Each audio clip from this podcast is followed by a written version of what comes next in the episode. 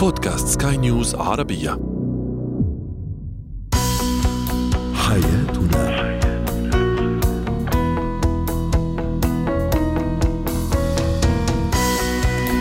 مستمعينا الكرام أهلا بكم معنا إلى برنامج حياتنا برنامجكم اليومي الذي يعنى بشؤون الأسرة وباقي الشؤون الحياتية الأخرى والذي يمكنكم الاستماع إليه عبر منصة Sky News Arabia dot com slash podcast وباقي منصات البودكاست الأخرى.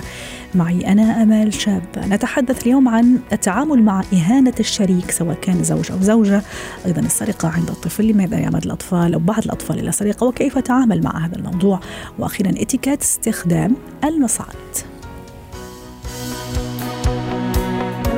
هو وهي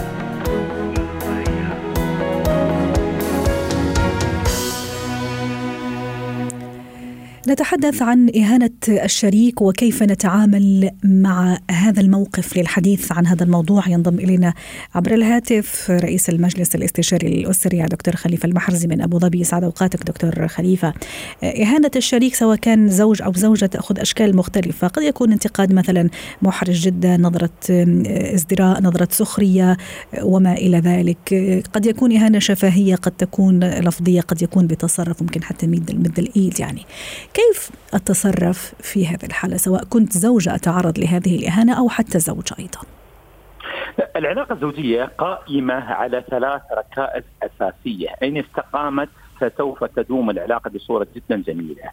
وإن فقدت إحدى هذه الأركان الثلاثة فلن تستقيم العلاقة وإنما سينذر عنها الكثير من الفجوات والاحتقان والمشاكل. الأركان الثلاثة الالتزام الاهتمام الاحترام. ومحور حديثنا على الركيزة الثالثة. مبدأ الاحترام ما بين الزوجين هو إيجاد نوع من السلوك المتبادل نسميه الإثابات المتبادلة ما بين الطرفين. إذا فقد الاحترام ما بين الطرفين فهذا نذير لإيجاد وفتح صفحات لاحقة تنتج عنها الكثير من المشاعر المسمومة منها عدم التقدير، عدم التوقير، التجريح، التهويل، التكبير، التضخيم، تاتي كثير من المشاعر المسمومة والتي سوف تضر الزوجة بشكل جدا كبير، لذلك يجب أن نحافظ على الركائز الثلاثة وإلا ستتحول هذه العلاقة إلى علاقة غير منسجمة وغير مشبعة بالعاطفة والمحبة ما بين الطرفين.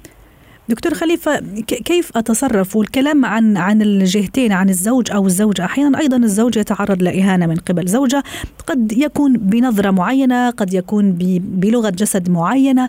كيف التصرف؟ هل المواجهة أفضل حل ولا في حلول أخرى؟ آه نحن دائما ننصح المرأة الرجل لما ي... الرجل لديه دائرتان دائرة المنطق ودائرة العاطفة.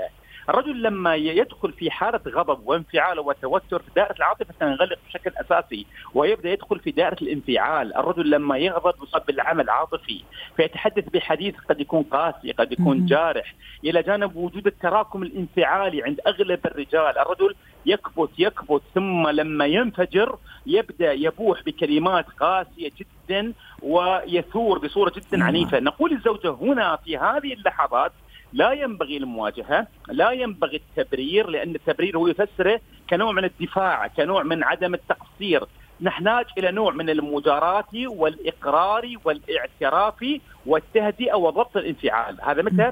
في أثناء الغضب. جميل. لما يهدأ الرجل تأتي الزوجة هنا ثم تبدأ تتحدث معه بان أنا أنا ادرك أنك كنت غاضب إلا أنك أنت تطاولت بكلام سيء استخدمت لغة غير مناسبة. ممكن البعض ممكن البعض يقول ما أنا أنا ما, ما أتذكر نسيت مثلا. هذا معناته اذا إذا نسي إذا هذه عنده مشكلة. إذا هو عنده مشكلة العصبية عنده مشكلة المزاجية عنده مشكلة الانفعال السريع عنده مشكلة التوتر عنده مشكلة الاضطراب عنده مشكلة الكمالية العصبية. على حسب نوعية المشكلة اللي عندي إذا ما كان يتذكر.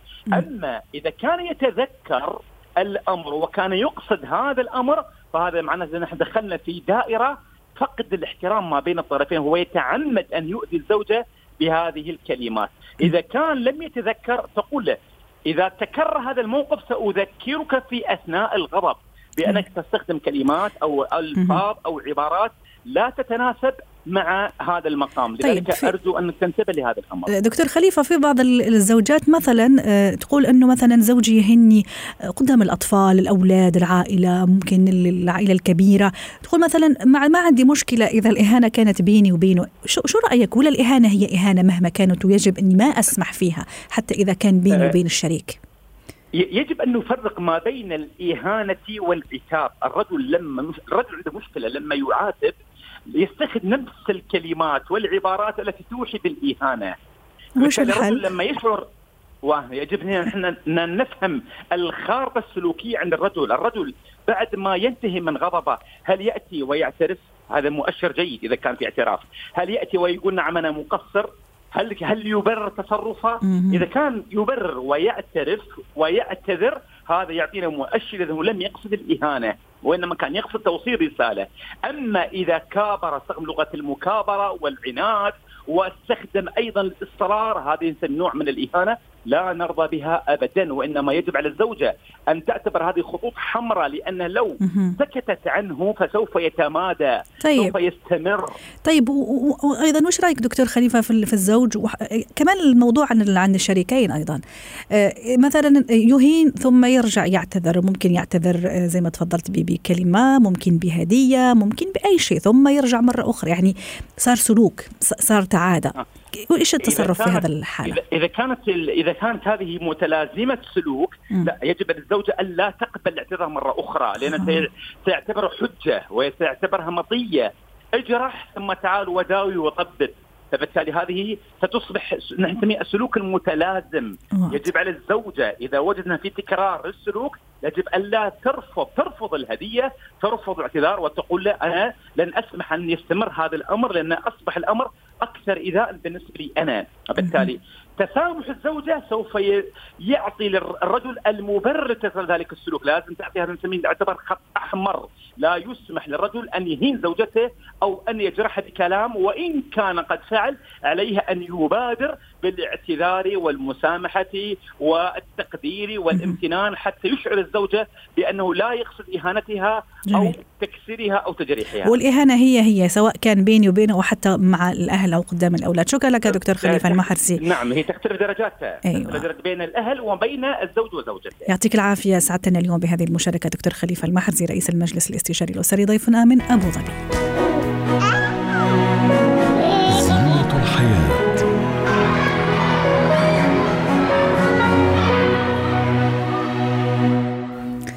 سنتحدث اليوم عن السرقة عند الطفل. لماذا يعمد بعض الأطفال إلى السرقة حتى وإن كانت سرقة أشياء بسيطة جدا؟ وكيف تعامل مع هذا الموقف؟ للحديث عن هذا الموضوع تنضم إلينا عبر الهاتف من أبو ظبي هبة شركس الخبيرة التربوية. يسعد أوقاتك أستاذة هبة.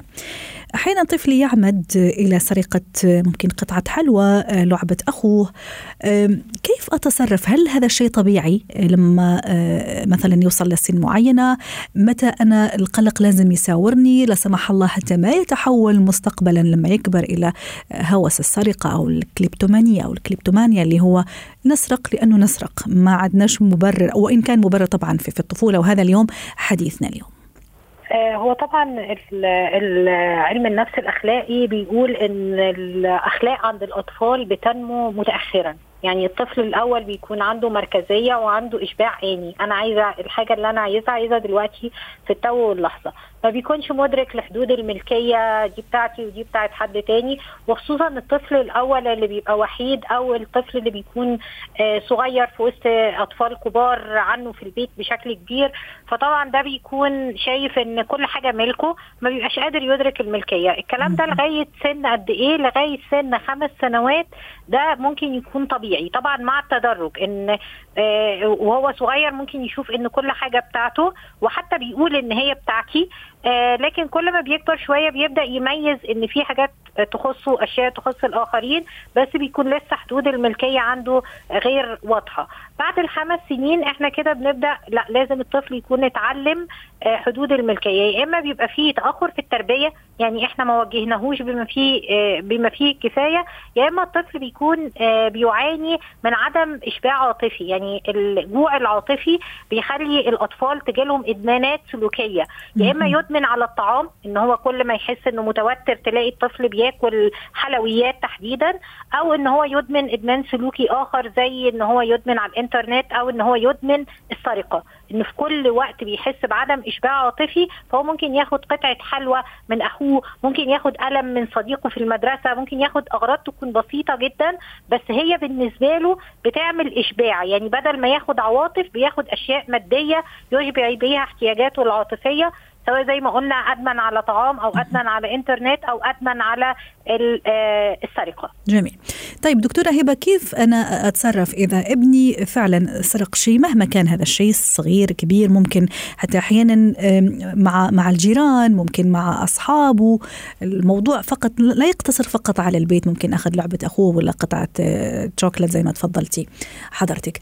كيف أتصرف إذا فعلا آه، عرفت هذا الموضوع؟ السرقة من أهم الحاجات اللي بنستخدم فيها التربية بالعواقب. يعني اللي عمل حاجة لازم يتحمل عواقبها مش بالعقاب بالعواقب. إن أنا اخذت آه، فلوس لازم أرجع الفلوس دي. أنا اخذت قطعة حلوى لازم أرجع قطعة الحلوى دي آه، أرجع اللعبة دي ايا كان الحاجة. بعلم الطفل حاجتين. بعلمه أنا في في ستر مهم جدا وفي حق دول معنيين لازم يكونوا ملازمين للأم والأب في أثناء عملية السرقة. الستر إن أنا مش بفضح الطفل من أول مرة ولازم يروح يعترف إن هو سرق ويروح يودي الحاجة علشان ما يحصلوش فضيحه آه ويبقى في وصم في المدرسة مثلا أو في العيلة أو في أي مكان. فأنا بقول له إن أنا هسترك أول مرة بس لازم نرجع الحاجة دي نرجعها على شكل هدية نرجعها في السر زي ما اخذناها في الخفاء. بس الأفضل طبعا إن هو يرجعها على شكل هدية. طبعا كل موقف بنحلله وبنشوف الطريقة الأفضل لاسترداد الحاجة بس لازم يتحمل العواقب. كمان لازم يكون الطفل عنده مصروف أنا بعتبر المصروف أداة تربوية مهمة جدا علشان يتحمل منها عواقب السرقة إن هو ممكن آه، ناخد من مصروفه نخصم من مصروفه حتى لو هنقسط له الحاجة اللي هو آه، اخذها اخذ لعبة مثلا قيمتها 50 آه، أكيد مصروفه مش هيغطي الحاجة دي في يوم أو في أسبوع فممكن أنا أقسمها عليه على مدار فترات مع إن أنا أوفر له آه، حد أدنى من المصروف يكون برده موجود معاه علشان ما يحتاجش إنه يسرق مرة تانية. جميل. أستاذة هبة هل هل ننصح أو هل تنصحين آه، من موقعك كخبيرة تربوية مثلا إني يعني أجفف كل منابع السرقة؟ بمعنى ممكن أقفل الخزانة إذا كان في فيها مثلا مال وإيده امتدت لهذا المال مهما كان آه، يعني مبلغ صغير ولا كبير ممكن إذا كان يسرق الحلوى يعني أقفل خزانة المطبخ ولا لا بالعكس خلي كل شيء مفتوح عادي المفروض إنه هو اللي يضبط سلوكه طبعا بمساعدتي أنا. الانضباط الداخلي والرقابة الذاتية ده واحد من أهم الأدوار الوالدية. أنا لازم كأم وأب إن أنا أعلم ابني إن هو يكون عنده رقابة ذاتية. فالمفروض إن يكون الحاجة محطوطة قدامه لأن هو في المدرسة الأصحاب مش كلهم هيقفلوا على حاجتهم. الناس في السوبر ماركت مش هيقفلوا كل حاجة بخزانات فالحاجة كلها متاحة قدامه في كل مكان فهو لازم أضبط السلوك. ولو لقيت السلوك عنده آه، لأن برضو خلي بالك إن في سرقة قهرية نفسية. يعني الطفل ده لو ما عندوش عندوش إشباع نفسي مهما حاولت إن أنا أديله مصروف وإن أنا أعلمه وأعلمه بالانضباط الإيجابي وأعلمه آه، بالعواقب وكل الحاجات اللي قلناها الجميلة دي لو الاضطراب نفسي فما فيش حل غير إن هي تلجأ لخبير آه، مختص. وممكن الخوف وكل الخوف أستاذة هبة إنه ممكن هذا هذا الصفة أو هذا السرقة القهرية زي ما تفضلتي تكبر معه. بدليل في كثير مثلا الناس الآن ممكن نشوفهم بالغين وراشدين ليسوا بحاجة لمال لكن ايدهم. تمتد. بتعمل لهم إشباع نفسي. أيوه. مجرد إشباع نفسي إن هو ممكن تاخد آه، أنسيال من صديقتها أو تاخد حاجة من شنطة قلم آه، مدير ممكن وتلاقيه بياخد قلم صغير بس هو بالنسبة له ممكن في أوتيل ياخد معلقة ياخد حاجة غرض بسيط جدا. فده طبعا دي ده ده سلوك قهري وبيحتاج علاج دوائي. فطبعا لو الطفل بيكرر السرقة والسرقة ملهاش هدف يعني ما لقيناش سبب واضح إنه عجبه الحاجة دي مثلا حس بالندم حس إن هو لأ غصب عنه وهو مقهور وكان بيبكي أنا ما كنتش عايزة أسرقها بس لقيتني باخدها غصب عني وصدقوا الطفل. لأن في حاجة اسمها السلوك القهري ده ده حاله نفسيه ولها علاج طبعا جلسات نفسية زائد أحيانا لو السلوك القهري ده امتد لسنوات عديدة بنحتاج إن إحنا نديله علاج دوائي كمان. شكرا لك يا أستاذة هبة شركس الخبيره التربويه ضيفتنا من أبو ظبي. اتكات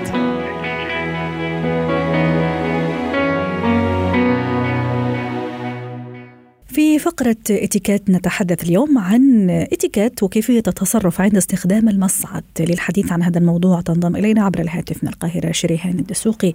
سعد أوقاتك أستاذة شريهان. اليوم المصعد طبعا بغض النظر على موضوع كورونا الآن اللي فرض علينا تباعد وكثير ما يكون عدد كبير من من الأشخاص داخل المصعد لكن إحنا دائما آه، في هذه الفقرة تحديدا نتحدث عن كل زمان ومكان لأنه الإتيكيت والأصول تبقى آه، أصول مهما كان. آه، كيف أستخدم وما هي اتيكيت الاستخدام المصعد. اولا مساء الخير أستاذة أمل وكل سنة وحضرتك طيبة. وأنت طيبة. آه طبعا عامة هو في الاتيكيت في البداية الاتيكيت هو فن السلوكيات الراقية المهذبة اللي بتعامل بيها مع نفسي ومع المحيطين بيا علشان نقيم علاقة سليمة وعلاقة محترمة. آه بالنسبة لتناولنا اتيكيت الأسانسير أو المصعد طبعا هو وسيلة نقل زي أي وسيلة بتنقلنا في نفس البناية للطابق الأعلى. ولكن بلاحظ إن في يعني سلوكيات خاطئة جدا خصوصا في الوقت الراهن وموجود فيروس كورونا. لازم أول حاجة وأنا واقف قدام المصعد في لاين بيكون مثلا إحنا طالعين للشغل في بيتي في عمارتي مثلا في مستشفى في ايا كان لازم يكون بيني وبين الشخص اللي ورايا على الأقل في الفترة دي متر علشان طبعا ممنوع التجمعات آه، والنفس والتلامس. دي أول شريهان معلش خلينا نحكي بشكل عام أيضا. حلو إنه إحنا اليوم شوية يعني نضيء على موضوع كورونا لكن يا ريت أيضا بشكل عام حتى هذه السلوكيات تضل معنا بعد بعد الأزمة. ده حقيقي. أنا دايما بقول يعني يا ريت نخلي أصلا السلوكيات الصحيحة دي lifestyle حياتنا يوميا بصرف النظر موجود فيروس أو غيره لازم دي تكون lifestyle حياتنا. آه طيب تاني حاجة أنا مثلا الأسانسير لما بيفتح أو المصعد لازم أنا كواقف قدامه لازم أكون دايما واقف ناحية اليمين بحيث أدي فرصة للي خارج منه هو الأولوية. يعني هو ليه الأولوية في استخدام المصعد إن هو يخرج يروح المكان اللي هو رايح ليه وبعدين أبدأ أنا أدخل. ففي حالة لو وجود طبعا انت عارفة قاعدة ladies first لكن في الأسانسيرات مش بنستخدم هذه القاعدة قوي إلا في حدود لو المرأة معاها طفل صغير بتكون هي ليها الأولوية إنها تركب الأول المصعد ثم بعد كده الشباب أو الرجال. طبعا برضو في العادي عامة في المجمل أو في وجود كورونا لازم يكون على الأقل في المصعد شخصين أو ثلاثة بالكتير قوي لأن في حاجة إحنا بنقول عليها comfort zone مساحتي الشخصية. ما حد يكون متقارب ليا قوي متلامس ليا قوي. آه، طبعا لو جالي هاتف طبعا أنت عارفة معظم المصعد أحيانا بيكون الشبكة متوافرة واحيانا غير متوافرة. صحيح. لو جالي تليفون ما ينفعش أتكلم وأحكي أي قصة بحيث طبعا أكيد الشخص اللي جواري هيسمع المكالمة كلها طبعا دي خصوصيات دي مش من الاتيكيت نهائي تاني حاجة برضو ممنوع إن أنا أدخل لو معايا مثلا أكل أو جوز أو ايا كان ممنوع إن أنا أتناوله جوه داخل الأسانسير. طبعا خاطئ جدا جدا. شريهان ما رأيك أيضا في اللي أحيانا في ناس تدخل بالعربة التسوق مثلا عربة طويلة عريضة وندخل بها آه بالأسانسير؟ هل هذا يصح ولا لا؟ وموضوع السلام آه. هل لما أدخل مثلا أنا مثلا ممكن أجد شخص أو اثنين هل لازم أسلم ألقي التحية وصباح الخير أو مساء الخير ولا مش ضروري؟ طب هو مبدئيا لما أنا أدخل طبعا المصعد آه، اولا لو أنا عارف الناس أو مش عارفهم لازم ألقي التحية. مساء الخير صباح الخير السلام عليكم. حسب ما أنا بحب إن أنا أقول. آه، وخلاص ممكن ينتهي الكلام على هذا النطاق لأن من الإتيكيت التحية طبعا موجودة في كل الأديان السماوية الثلاثة. فلازم إن أنا ألقي التحية على الناس. طب صحيت لو أنا معايا عربه تسوق ومسموح ما أنا لازم إن أنا ألتزم بالرول بتاع المكان. لو مسموح إن أخدها معايا الأسانسير لازم الأول أشوف هل هو يكفي للاحتياجات اللي معايا ولا في ناس تانية راكبة وممكن يتأسفوا في حالة لو معايا هذه العربة طب هل أنا صحتي يعني يمكن أطلع بيها الدرج ولا لازم أدخل بيها الأسانسير؟ لو لقيت في ناس بتداخل بالفعل ممكن أنتظر إن هم يطلعوا المكان اللي هم عايزين يطلعوا فيه. وبعدين بقى انتظر لما تنزل ينزل مصعد تاني فاضي أقدر أركب أنا براحتي. جميل. آه، لكن ما ينفعش الناس موجودة إن أنا أضايقهم بإحتياجاتي والحاجات اللي معايا حتى لو شنطة عادية يعني حتى لو شنطة بسيطة بصرف النظر عن عربة يعني فيها إحتياجات مش لازم إن أنا أحط الشنطة قدام الناس أو بجانبهم بحيث إن أنا أملي المكان لأ. في حاجة في الإتيكيت إحنا بنفتح رجلينا فتحة صغيرة بالداخل فيها الشنطة بتحت رجلينا بحيث إن هي تبقى نفس الحيز اللي أنا واقف فيه في نفس مكاني بالظبط ونفس النطاق بتاعي. لا ولكن لا تتلامس مع أي شخص أو تاخد مكان آه، لحيز آخر. جميل. شريهان إذا مو أنا أنا مثلا دخلت الاسانسير وكان شخص أو اثنين يعني أو خليني أقلب أنا الآية. أنا كنت في الأسانسير ودخل شخص آه، يعني حتى يصعد المصعد. هل من الاتيكيت إنه مثلا أنا أسأله في أي دور أنت رايح ممكن حتى أساعده خاصة إذا كان حامل أغراض ولا ابدا مش مطلوب مني؟ هو في ناس أصلا بطبيعتها بتحب إن هي تساعد الآخرين. آه بسأله في حالة لو شايفة الشخص ده مثلا كبير في السن بقدر أنا طبعا من الاحترام ومن الإتيكيت إن أنا بسأله حضرتك طالع أي طابق وأنا بالتالي بضغط على الزر الطابق اللي هو عايز آه يطلع ليه ولكن لو حسيت إن هو شاب أو امرأة شابة ومش محتاج إن أنا أساعدها أو أسألها فده ممكن يكون يعني يفتكروه إن هو تدخل مني في شؤونهم فبالتالي أنا ما بسألش. أنا بسأل فقط في حاله لو اللي داخل المصعد رجل كبير أو طفل صغير. في هذه الحالة بس مضطر إن أنا أسألهم وإني أساعدهم. طيب في أيضا بعض ال يعني المظاهر نشوفها مثلا في في المصاعد. في ناس مثلا لما تطلع وتصعد المصعد آه، طالع في الأرض يعني عيونها مثلا في, في الأرض. في ناس لا في السقف. يعني في محاولة إن منها إنه لا, لا تصل للدور اللي يعني تحتاجه. فما هو الأصح يعني؟ لا وفي كمان أحيانا لو في مرآة في الأسانسير أيوة. بيفضلوا واقفين باصين لنفسهم في والسيدات طبعا يعني طبعا. أيوه ده حقيقي. هو بصي لو أنا راكب بالمصعد ومعايا مثلا إخواتي أو أصدقاء ليا عادي جدا إحنا طبعا بنتكلم وبنقدر نبص في المرآة. لو في حاجة عايزة نتظبط في ملابسنا okay. لكن لو في ناس أشخاص غريبة طبعا مش من الاتيكيت نهائي إن أنا أفضل أبص أنظر لنفسي في المرآة أمامهم. بالتالي أنا بلفت نظرهم ليا. دي حاجة. الحاجة الثانية أنا بنظر آه، دايما في الأسانسير على الباب أو على الأزرار. يعني هل أنا الطابق اللي أنا عايز أطلع ليه هل وصلت ليه؟ آه، هل مثلا الأسانسير هيقف دلوقتي؟ مين هيدخل أو مين هيخرج؟ فلازم أكون منتبه جدا. جميل. شيرين حتى نختم أيضا في موقف آه، يعني ممكن يتكرر معنا كثير. مثلا أنا طلعت الأسانسير ولقيت سيدة مثلا معها بيبي رضيع صغير أو طفل صغير. طبعا. حين ممكن طبعا. يعني أمزح معه أو أكلمه؟ هل هذا مسموح أو لا؟ ممكن تكون عندها ردة فعل هي غير متوقعة. هل يفضل ولا عادي؟ طيب هو عامة لو قلنا في الوقت الراهن طبعا ممنوع تلامس الأطفال خالص خالص عشان الميكروبات لكن في الأيام العادية ممكن إن أنا أمزح معه ولكن بدون تلامس. أهم شيء لأن فعلا في أمهات بتكون عندها الوسواس القهري ما حدش يلمس ابني ابدا ابدا ابدا. فممكن بس إن أنا أضحك ليه ابتسامه خفيفة تفي بالغرض بدون إن أنا ألمس الطفل. بالضبط. شكرا لك شريهان آه. دسوقي. سعدتينا اليوم بهذه المشاركة. كنت معنا عبر الهاتف من القاهرة. ويسعد أوقاتك. حياتنا.